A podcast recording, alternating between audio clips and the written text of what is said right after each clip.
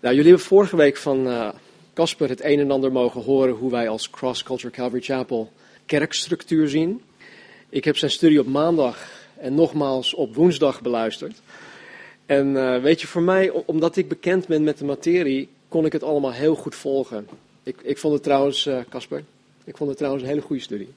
Maar ik, ik, kan me voorstellen dat sommige van jullie, die, die, ja, die niet of die in mindere mate bekend, bekend zijn met de materie, wellicht vragen hierover hebben. Of dat er iets misschien niet helemaal duidelijk is overgekomen. Ik zei vanmorgen nog tegen Casper, Casper, dat is heel goed, maar ik denk dat je vier preken in één preek hebt gepropt. Dus, uh, sorry. dus mocht je hierover vragen hebben, schroom alsjeblieft niet om vragen te stellen. Niet nu, maar eh, na de dienst of op een ander moment. Nou, vanmorgen gaan we verder in, in uh, Matthäus 19. En we pakken onze studie op in vers 13. Dus Matthäus, hoofdstuk 19, vers 13. Toen werden kinderen bij Jezus gebracht, opdat hij de handen op hen zou leggen en zou bidden. Maar de discipelen bestraften hem. Maar Jezus zei: Laat de kinderen begaan en verhinder hen niet bij mij te komen, want voor zodanigen is het koninkrijk der hemelen. En nadat hij de handen op hen gelegd had, vertrok hij vandaar. En zie, er kwam iemand naar hem toe en die zei tegen Jezus: Goede meester, wat voor goeds moet ik doen om het eeuwige leven te hebben? Hij zei tegen hem: Waarom noemt u mij goed? Niemand is goed behalve één, namelijk God. Maar wilt u tot het leven ingaan, neem dan de geboden in acht. En hij zei tegen Jezus: Welke? Jezus zei: U zult niet doden, u zult geen overspel plegen, u zult niet stelen, u zult geen vals getuigenis afleggen. En eer uw vader en moeder, en u zult uw naaste lief hebben als uzelf. De jonge man zei tegen hem: Al deze dingen heb ik in acht genomen van mijn jeugd af. Wat ontbreekt mij nog? Jezus zei tegen hem: Als u volmaakt wilt zijn, ga dan heen, verkoop wat u hebt en geef het aan de armen. En u zult een schat hebben in de hemel. En kom dan en volg mij. Toen de jonge man dit woord gehoord had, ging hij bedroefd weg, want hij had veel bezittingen. Jezus zei tegen zijn discipelen: Voorwaar ik zeg u dat een rijke moeilijk het koninkrijk der hemelen kan binnengaan. Nogmaals zeg ik u, het is gemakkelijker dat een kameel door het oog van een naald gaat, dan dat een rijke het koninkrijk van God binnengaat. Toen zijn discipelen dit hoorden, stonden zij versteld en zeiden, wie kan dan zalig worden? Maar Jezus keek hen aan en zei tegen hen, bij de mensen is dat onmogelijk, maar bij God zijn alle dingen mogelijk. Tot zover. In vers 13 en 14 lezen wij dit. Toen werden de kinderen bij hem gebracht, opdat hij de handen op hen zou leggen en zou bidden. Maar de discipelen bestraften hen. Maar Jezus zei: Laat de kinderen begaan en verhinder hen niet bij mij te komen, want voor zodanigen is het koninkrijk der hemelen. Het was destijds gebruikelijk om uh, kinderen naar een rabbijn toe te brengen, om die rabbijn te vragen om voor hun kinderen te bidden. En dit is wat deze mensen dus deden. Jezus werd gezien als een, als een rabbi, als een rabbijn, een, een Joodse leraar. En deze mensen brachten hun kinderen naar Jezus toe voor gebed. Nou, ongetwijfeld wisten deze ouders wie Jezus was. En ongetwijfeld hadden ze of iets van hem gehoord, of over hem gehoord, of ze hem zelfs gezien of horen spreken. En betekende het dus veel meer voor deze ouders om hun kinderen juist bij Jezus te brengen. Het was, het, het was iets bijzonders voor hun. Nou, dit laat ons enerzijds zien dat de ouders het allerbeste voor hun kinderen voor ogen hadden. Dat is één. En anderzijds dat Jezus zeer benaderbaar was voor gewone mensen. Gewone mensen uit het gebied van Palestina konden gewoon naar Jezus toe gaan met hun kinderen en hem benaderen om te vragen om gebed. Weet je, Jezus houdt van kinderen. En misschien is het wel, duh, nou, dat weten we allemaal wel. Maar Jezus houdt echt van kinderen.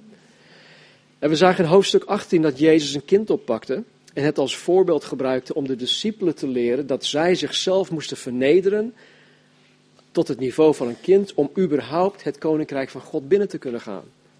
Hij gebruikte zelfs een kind in een van zijn preken. En tot meerdere malen toen zien wij in de evangelium dat Jezus kinderen genas. In Matthäus 9 lezen wij dat Jezus het dochtertje van Jairus zelfs uit de dood had opgewekt. Dus Jezus was erg begaan met kinderen. Hij, hij, hij hield van kinderen, hij houdt van kinderen.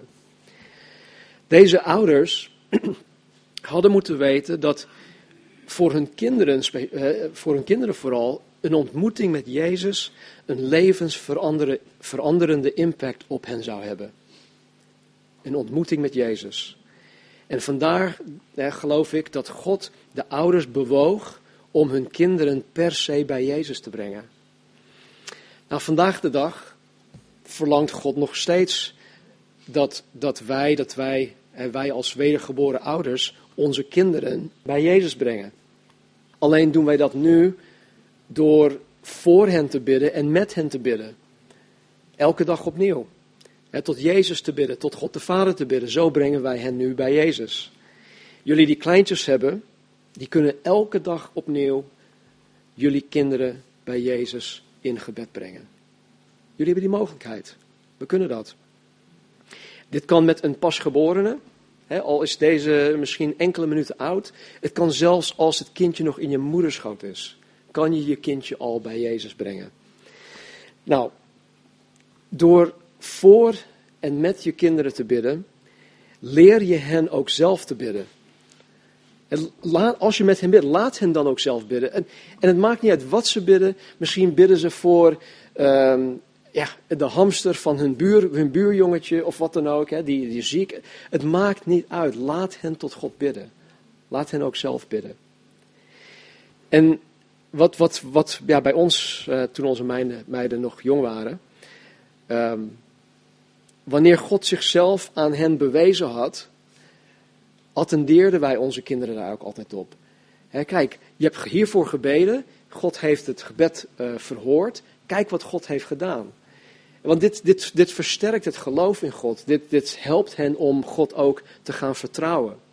Het is niet dat je hun hersens spoelt of zoiets, maar het is gewoon, je, je leert hun om op God te gaan vertrouwen. Jullie die kleintjes hebben, kunnen jullie kinderen elke dag opnieuw bij Jezus brengen door de Bijbel met hen te lezen.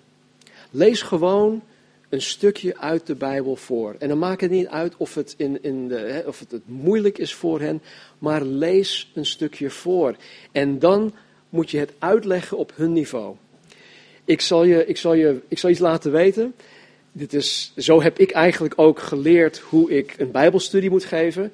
Is de Bijbel op het niveau van een drie of een vijf of een zes of een zeven of een tienjarige uit te kunnen leggen. Als je het op, op dat niveau kan uitleggen, dan pas ken je de Bijbel.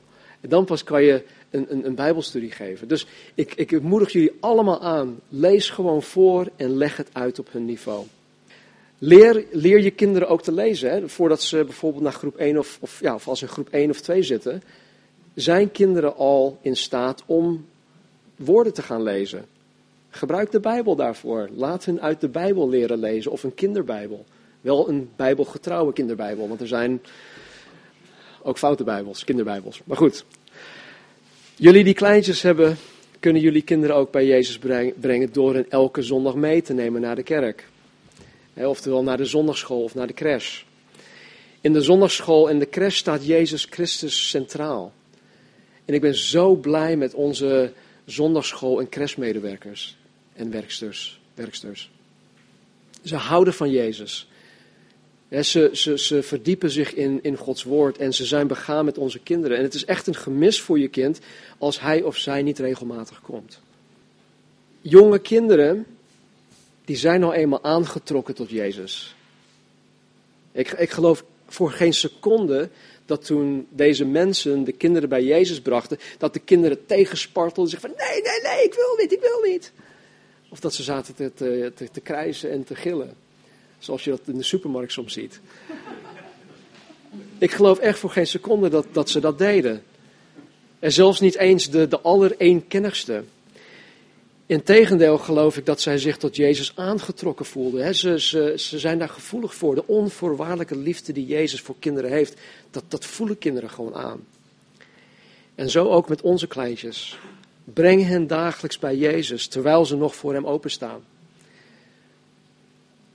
Even heel iets anders. Maar er zijn mensen die het niet eens zijn met, met, met mij of met onze filosofie. Dat wij kinderen niet toelaten in de volwassendienst.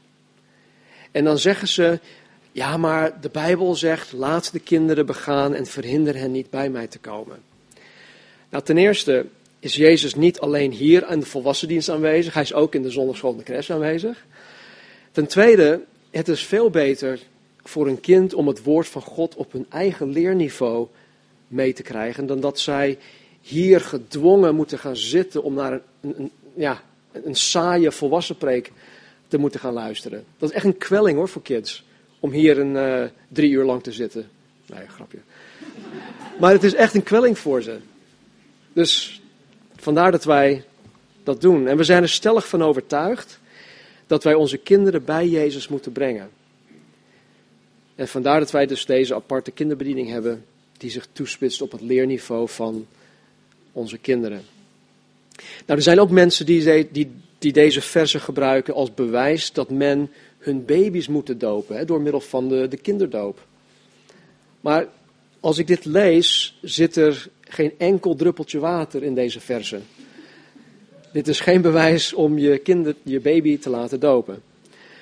Nou, wat er wel in deze versen te vinden is, is de verklaring van Jezus dat het koninkrijk der hemelen voor, tussen aanhalingstekens, voor zodanige is. Marcus en Lucas zeggen dat het koninkrijk voor zulke mensen bestemd is. Het gaat hier om kleine kinderen. Kleintjes. En dit zijn kinderen die niet toerekenbaar zijn. Met andere woorden, het zijn kinderen die niet toerekeningsvatbaar zijn om of voor Jezus Christus te kiezen, om of tegen Jezus Christus te kiezen. Ze zijn niet in staat om, om dat te kunnen doen. En dit leert mij, althans ik ben ervan overtuigd, dat kleine kinderen die vroegtijdig sterven wel in de hemel terechtkomen. Teruggaand naar uh, het Oude Testament in 2 Samuel. Koning David die heeft, een hele, die is, die heeft eh, heel iets fouts gedaan. Die is uh, met Bathseba, die heeft, de vrouw van Uria, heeft hij tot zich genomen. Zij is zwanger geraakt en ze hebben een kind gekregen. Nou, dat kindje werd door Gods hand ziek en stierf. En dan staat er dit in 2 Samuel 12, 22 en 23. Ik zal het voorlezen. David, David zei: Ik heb gevast en gehuild toen het kind nog leefde. Want ik zei tegen mezelf: Misschien zal de Heer toch nog genade tonen om hem te laten leven. Maar waarom zou ik vasten nu hij dood is? Kan ik hem daardoor terugbrengen? Ik zal ooit naar hem toe gaan, maar hij zal nooit bij mij terugkomen. Koning David spreekt hier over zijn zoontje die slechts één week oud geworden was. Eén week oud. En David was ervan bewust dat hij ooit, ooit, naar dit zoontje toe zou komen. Met andere woorden, naar de hemel waarin hij geloofde. Dus op grond van het feit dat de God van de Bijbel een rechtvaardige God is, één, dat staat bovenop. Op basis van wat Jezus hier in deze verse zegt, op basis van het voorbeeld van het sterven van de zoon van koning David, geloof ik dat als kleine kinderen die niet toerekeningsvatbaar zijn, vroegtijdig sterven, zij wel in de hemel terechtkomen. En het, het, is, het stelt mij gerust. Die overtuiging heb ik. Wat jullie daarmee doen, is aan jullie zelf. Maar ik heb in ieder geval die rust. En zeg van, ah, dank u Heer. De discipelen van Jezus bestraften de ouders. Beetje raar, maar zij bestraften de ouders die hun kinderen bij Jezus brachten. Ik kan me voorstellen dat de discipelen een soort van haast hadden om Jezus naar Jeruzalem te krijgen. Want ze dachten, nou, nu komt het moment, en nu breekt het moment aan dat Jezus zich gaat manifesteren als de Messias. Dus kom op, we moeten doorgaan, we moeten doorgaan. Hoe dan ook, zij hadden totaal geen geduld voor de kinderen. En vandaar dat Jezus volgens Marcus het hen zeer kwalijk nam dat zij de kinderen weer hielden om bij Jezus te komen. Nou, als Jezus toen zo fel tegen zijn discipelen inging toen zij de kinderen, toen zij de kinderen van Jezus af wilden houden, geloof ik dat Jezus anno 2014 nog steeds niet van gediend is wanneer ouders hun kinderen niet bij Jezus laten komen. Als ik, nu, nog, nu heb ik kleinkinderen, als ik mijn kleinkinderen weerhoud om bij Jezus te komen of hen naar Jezus toe te brengen, dan heb ik echt met Jezus Christus te maken. En nadat hij Jezus de handen op hen gelegd had, vertrok hij vandaar. En zie, er kwam iemand naar hem toe en die zei tegen hem, Goede meester, wat voor goeds moet ik doen om het eeuwig leven te hebben? Nou, hier heb je een jonge man die rijk is, die volgens Lucas een leidinggevende is. Het kon zijn dat hij een leidinggevende over een synagoge was, maar het kon ook zijn dat hij een leidinggevende binnen het Sanhedrin was. Hoe dan ook, het was iemand van aanzien. En volgens Marcus 10 rende hij naar Jezus toe en viel voor Jezus op zijn knieën neer. Blijkbaar was het voor hem een dringende zaak om, om heel specifiek met Jezus hierover te spreken. Blijkbaar had hij een hoge dunk van Jezus. Blijkbaar wist hij bij wie hij het moest zoeken. Dat is altijd goed. En maar ondanks dat hij bij de juiste gekomen was, was zijn benadering, was zijn insteek helemaal fout. Hij was kennelijk een, een, een ambitieus persoon. Iemand die in de moderne taal proactief was. Iemand die wist te presteren. Hij was jong en hij bekleedde een leidinggevende positie in de maatschappij. Dit, dit wordt je niet zomaar gegeven.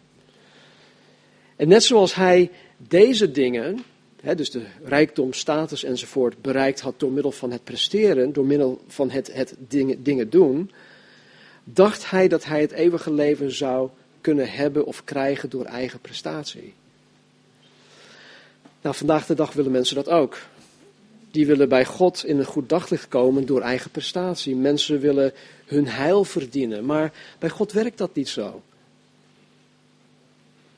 Dit komt misschien heel cru over, maar het allerbeste dat de mens God kan bieden om op basis van eigen prestatie in de hemel te kunnen komen, wordt door Jesaja 64:6 beschouwd als een bezoedeld kleed.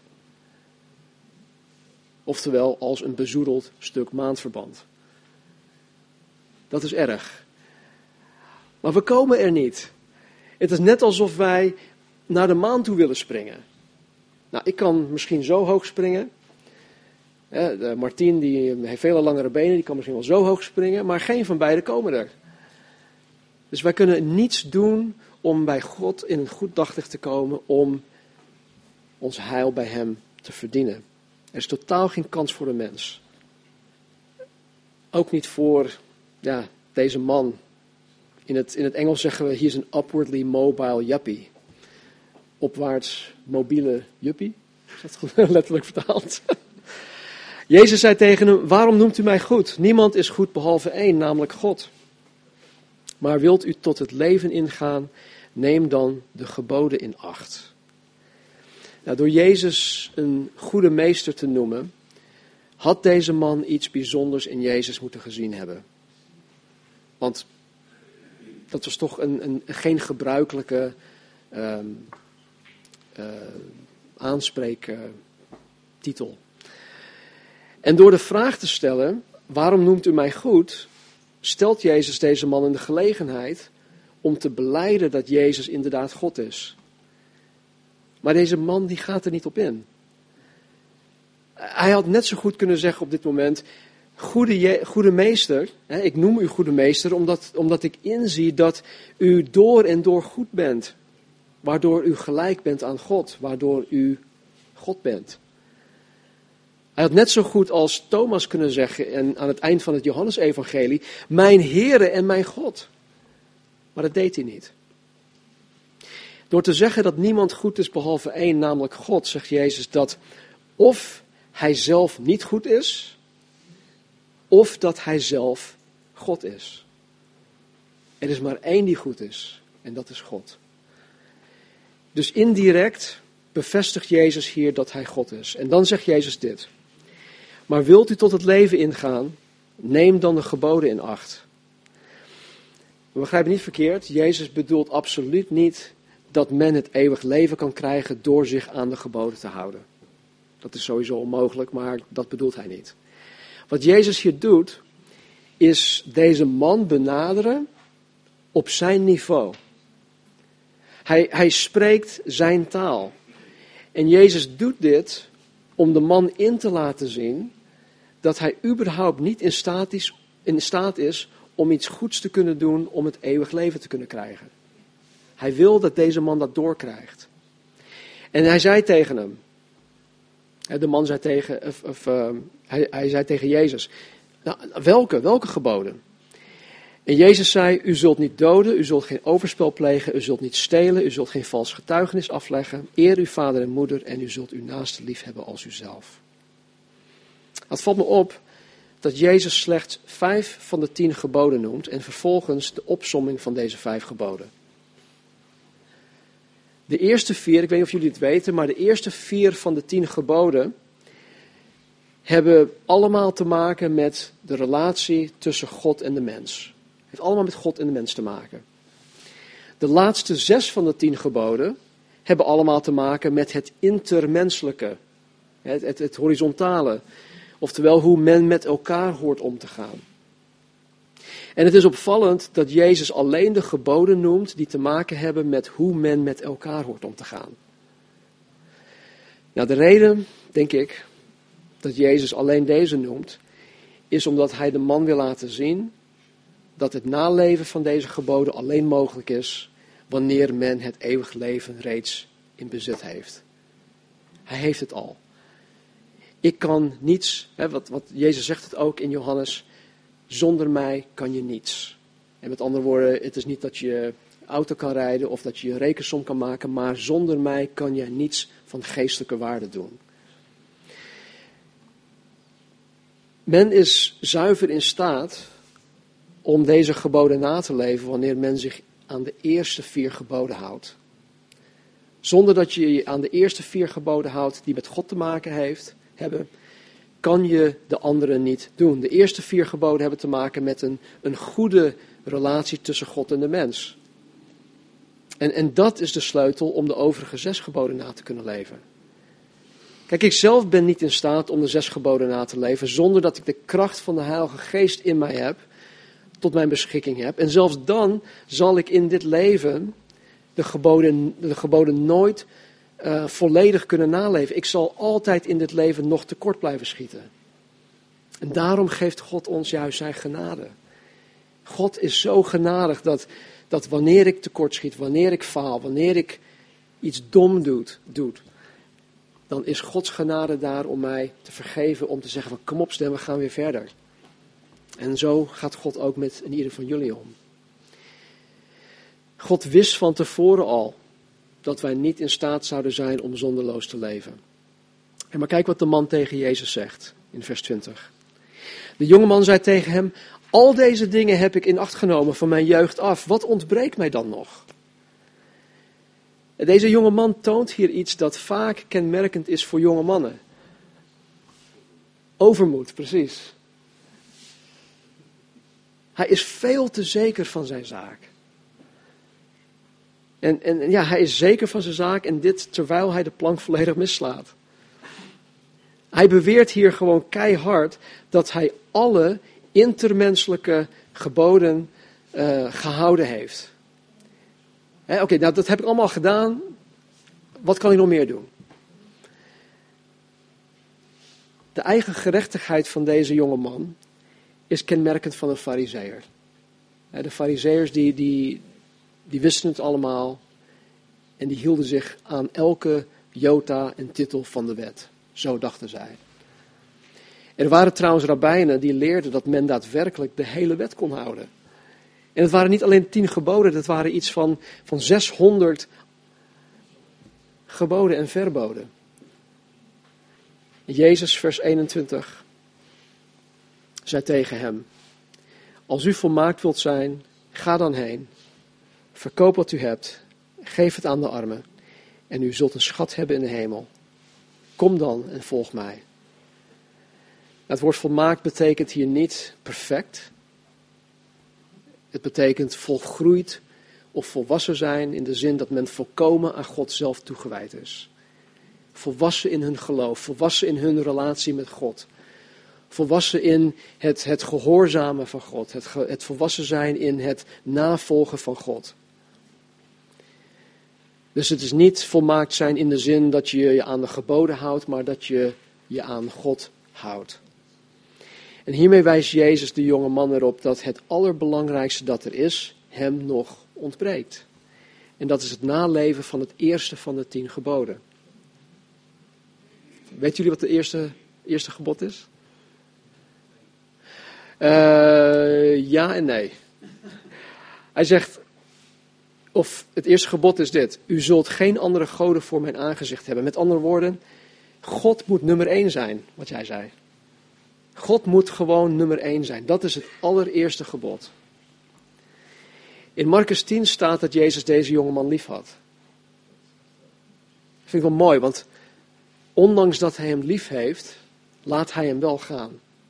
Hij laat hem vrij in zijn keus. Maar er staat dus in Marcus 10 dat, de, dat Jezus deze jongeman lief had. En vandaar denk ik ook dat Jezus hier ook heel direct is in zijn antwoord. Jezus wil deze jongeman voor het koninkrijk der hemelen bereiken. Hij wil hem winnen. En, en weet je, het, het winnen van iemand kan alleen wanneer hem de waarheid verteld wordt. Als ik hier mooie praatjes aan het vertellen ben, hè, dat ik beloftes maak die ik niet en die God zelf niet eens wil waarmaken, zo win je mensen niet tot het koninkrijk. Alleen de waarheid wint mensen tot het koninkrijk. En Jezus zegt: Ga dan heen, verkoop wat u hebt, geef het aan de armen en u zult een schat hebben in de hemel. Nou, in die tijd was armoede een gigantisch groot probleem in Palestina. Weet jullie nog, in Handelingen 2, vers 42 tot 47? De gemeente in, in Jeruzalem was echt heel arm. Het, het bestond uit arme mensen. Vandaar dat God hem bewoog om alles met elkaar te gaan delen. Er kwamen giften uit andere plekken van Europa voor de kerk in Jeruzalem, omdat de kerk in Jeruzalem arm was. Dus armoede was een groot probleem. Dus Jezus doet bewust aanspraak op deze jonge man op dit gebied. Om hem een kans te geven om zijn naaste liefde te kunnen bewijzen. En in vers 20 zei de jongeman dat hij van jongs af aan alle geboden naleefde, dus ook om zijn naaste lief te hebben als zichzelf. Dus dit heb ik allemaal al gedaan. Kom op, laten we naar het volgende toe gaan. Maar hierin valt hij door de mand. Want kijk wat er in vers 22 staat. Toen de jonge man dit woord gehoord had, ging hij bedroefd weg, want hij had veel bezittingen. Deze jonge man, eh, zo overmoedig als hij was en vol van eigen gerechtigheid, moest op dit moment afhaken. Hij haakte af. Want hij was niet in staat, nog was hij ertoe bereid om zijn naaste daadwerkelijk lief te hebben als zichzelf. Jezus beloofde hem dat als hij God op de eerste plaats zet en zijn afgod, zijn rijkdommen, zijn bezittingen, als hij dat weggeeft, hij een schat zou hebben in de hemel. Eeuwig leven en zelfs meer. Eeuwig leven is niet alleen het leven dat nooit ophoudt, maar het is, het is, het is een kwaliteit van leven dat wij niet kunnen beseffen. En weet je, dit is een super grote en goede deal. Het aanbod dat Jezus ons vandaag de dag ook, ook, ook brengt, is, is het geweldigste, het beste dat er is. En hij bood deze jonge man eeuwig leven aan. Wat, wat hij hier op aarde zou moeten opgeven, is niets in vergelijking met wat hij er in de hemel voor terug zou krijgen. De jonge man kreeg hier een uitnodiging van Jezus om deel uit te maken van zijn eeuwig koninkrijk. Maar wat doet hij? Hij keerde zich om en hij liet de kans voorbij gaan. Hij liet het liggen. Het gebod van Jezus trouwens om alles te verkopen en het aan de armen te geven is niet voor iedereen bedoeld. Hè? Dus wij hoeven niet onze rijkdommen te verkopen en alles aan de armen te geven. Nee, dit was specifiek gericht op deze jonge man, op deze plek en op dit tijdstip. En ik, ik zie hierin dat God heel persoonlijk met mensen omgaat. Ik heb het al vaker gezegd, God is een God van maatwerk. En, en, en God wist precies, Jezus wist precies wat, wat er in deze man, deze jonge man zat. Hij wist precies hoe hij deze jonge man moest aanspreken. Nou, wat wel voor iedereen van toepassing is, is dit.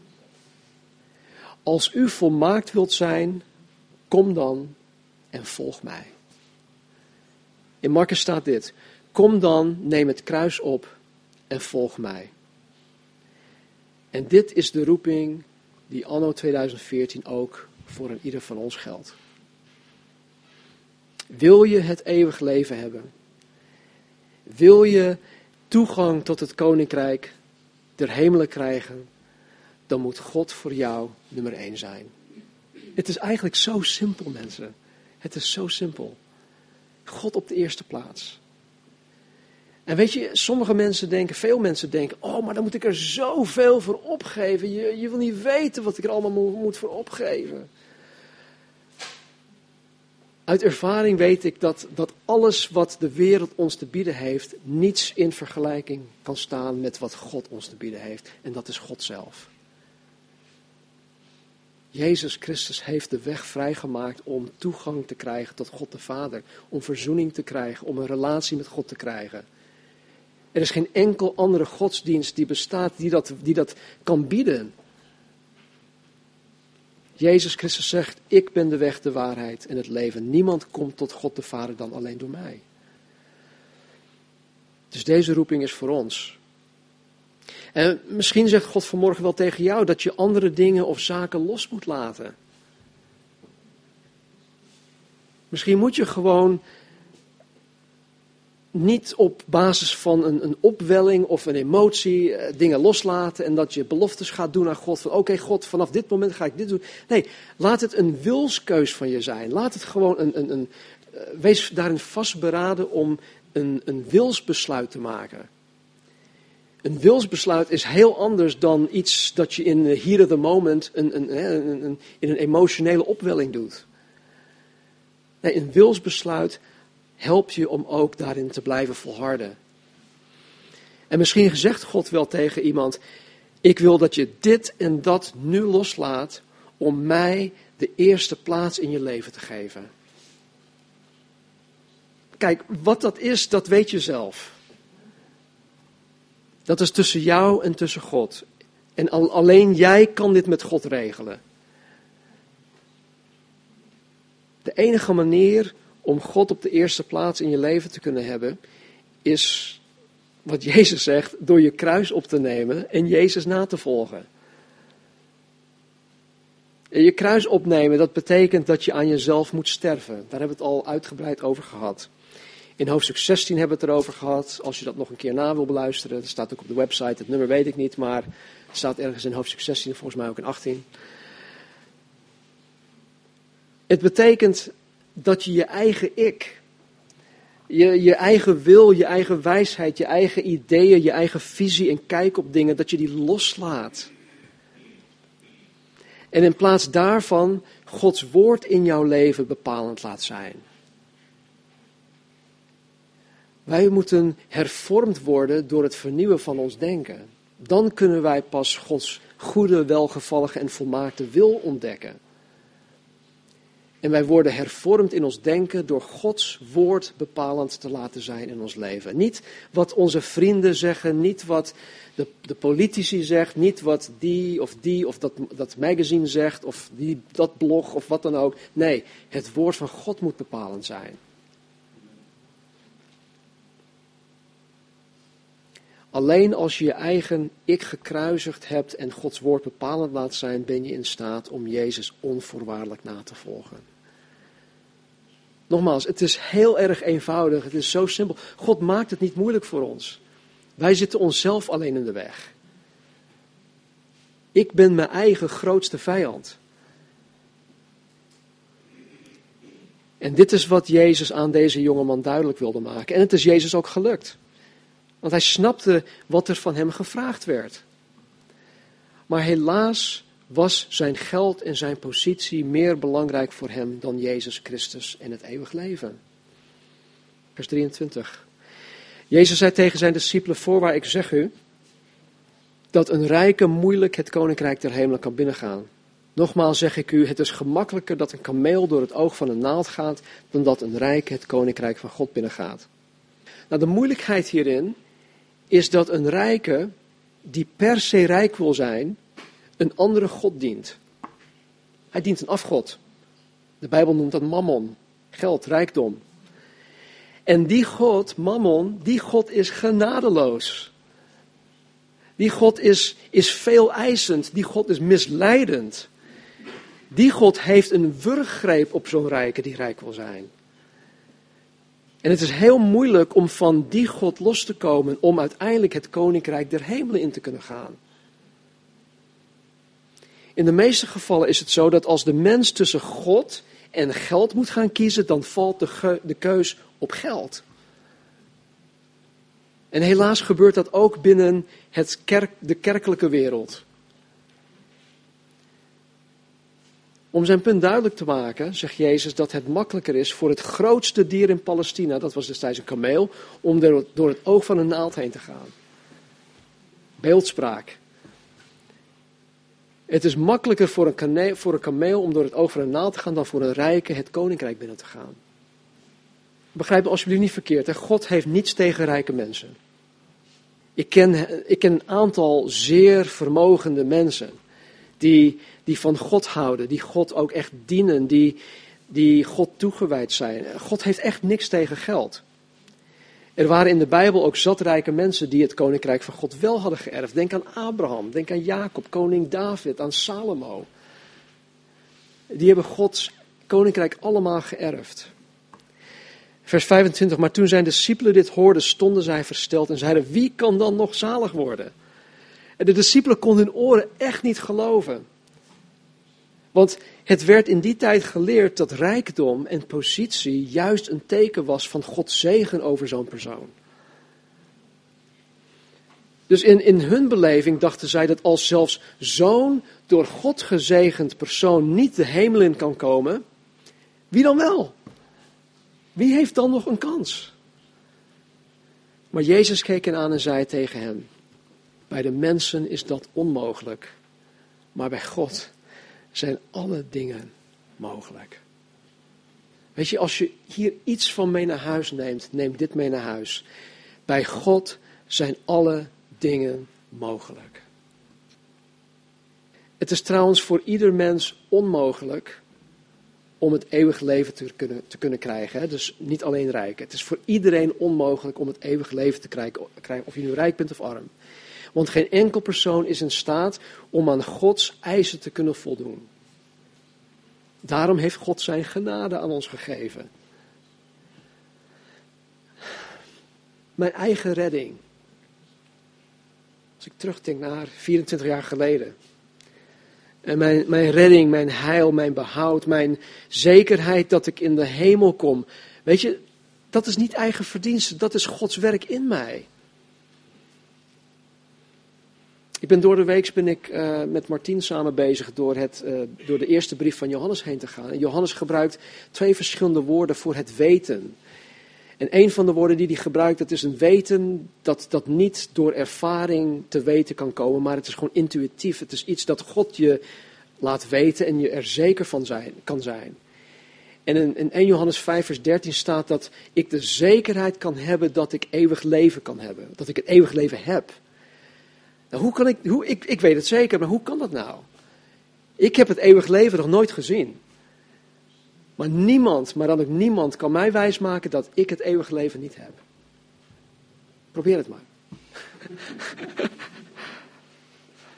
Weet je, dus het is Gods werk in mij. God heeft het onmogelijke in mijn leven gedaan. Hij heeft mijn ogen geopend voor de waarheid. God heeft mij geloof gegeven.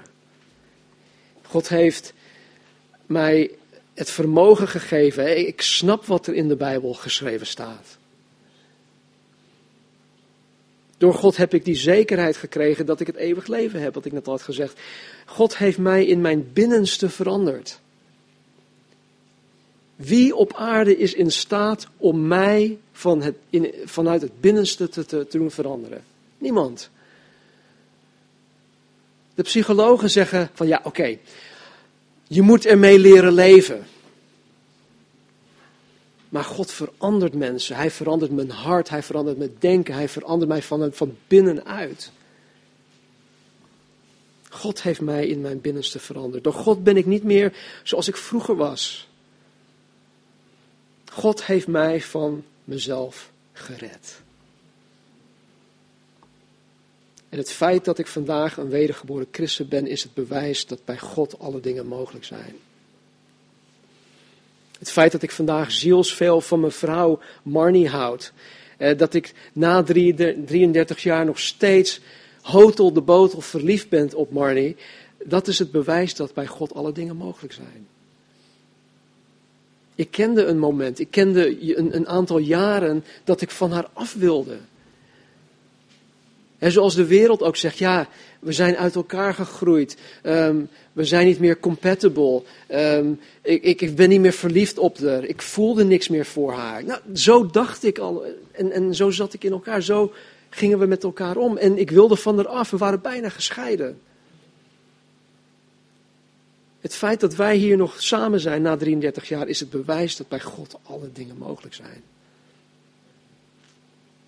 Het feit dat ik ondanks zoveel tegenstand en moeite in het leven diepe innerlijke vrede heb, is het bewijs dat bij God alle dingen mogelijk zijn. En het feit dat ik hier vanmorgen voor jullie mag staan, is het bewijs dat bij God alle dingen mogelijk zijn. Kijk, velen van jullie kennen mij alleen van de kerk, maar als jullie mij vroeger kenden, oh man, dan zullen jullie, dan zullen jullie ook echt beamen. Bij God is zeker alles mogelijk. Hè? Toen had ik nog haar, ja.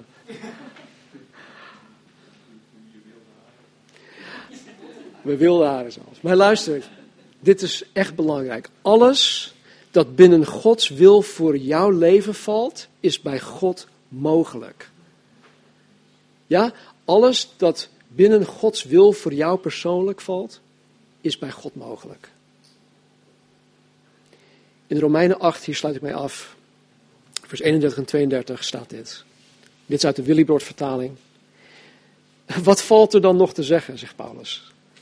Als God voor ons is, wie kan dan tegen ons zijn?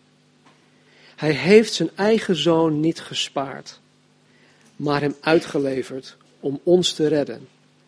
En nu komt het. Als hij zelf zijn zoon heeft gegeven, zal hij ons al het andere dan ook niet geven? Niets is bij God onmogelijk.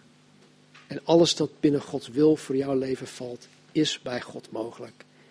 En hij wil het geven als hij zelf zijn zoon niet gespaard heeft voor jou. Terwijl je nog een vijand was van God. Terwijl je nog een zondaar was. Waarom zou God nou niet alles geven terwijl je nu verzoend bent met hem? Laten we bidden. Oh vader, dank u wel dat u zo geweldig goed bent voor ons, Heer. En dat u voor ons bent. Dank u wel voor het woord. Dank u wel, dank u wel voor deze belangrijke les, Heer. Het is jammer dat we deze jonge man nooit in de schrift terug hebben gezien. Het zou hartstikke fijn zijn, Heer, als we hem ooit in de hemel zouden mogen ontmoeten. Maar heren, hoe dan ook, ik dank u dat u zo ver bent gegaan, heren. Voor hem en ook voor ons, voor mij. Dat u, Jezus, uzelf hebt gegeven. Dat u, God, uw zoon hebt gegeven. U hebt uw zoon niet gespaard. Terwijl wij nog rebels waren, terwijl wij nog zondaars waren, terwijl, terwijl wij nog vijanden van u waren. Dank u wel, Heer. Help ons alstublieft om onze kinderen bij Jezus te brengen. Help ons, Heer, om ervan doordrongen te zijn dat U er zo naar verlangt om onze kinderen bij Jezus te brengen. Help ons daarbij. Laat ook dat een wilsbesluit zijn, Heer. Dat wij op dit moment gewoon besluiten om elke dag, Heer, om vanaf vandaag te beginnen om met onze kinderen te gaan bidden. Om hen te leren bidden, om voor te lezen uit uw Bijbel. Help ons als jonge ouders daarbij. Help ons, Heer, om u op de eerste plaats te zetten. Heer, aan de ene kant is dat zo makkelijk. Het is zo simpel, zo eenvoudig. Aan de andere kant, Heer, zitten wij onszelf zo ontzettend in de weg. Help ons, Heer. Schenk ons alstublieft genade. Wees ons genadig, Heer. Help ons. We kunnen dit niet zonder u. En op ons, heren, om het onmogelijke aan u toe te vertrouwen. Help ons ook om het geloof te krijgen dat bij u alle dingen echt mogelijk zijn. Help ons, Heer, om u te zien in al uw heerlijkheid. Heer, omwille van uw naam, omwille van het koninkrijk, omwille van uw bruid, uw gemeente. Kom spoedig, Heer. Dat bidden wij in Jezus' naam. Amen. Amen. We gaan staan.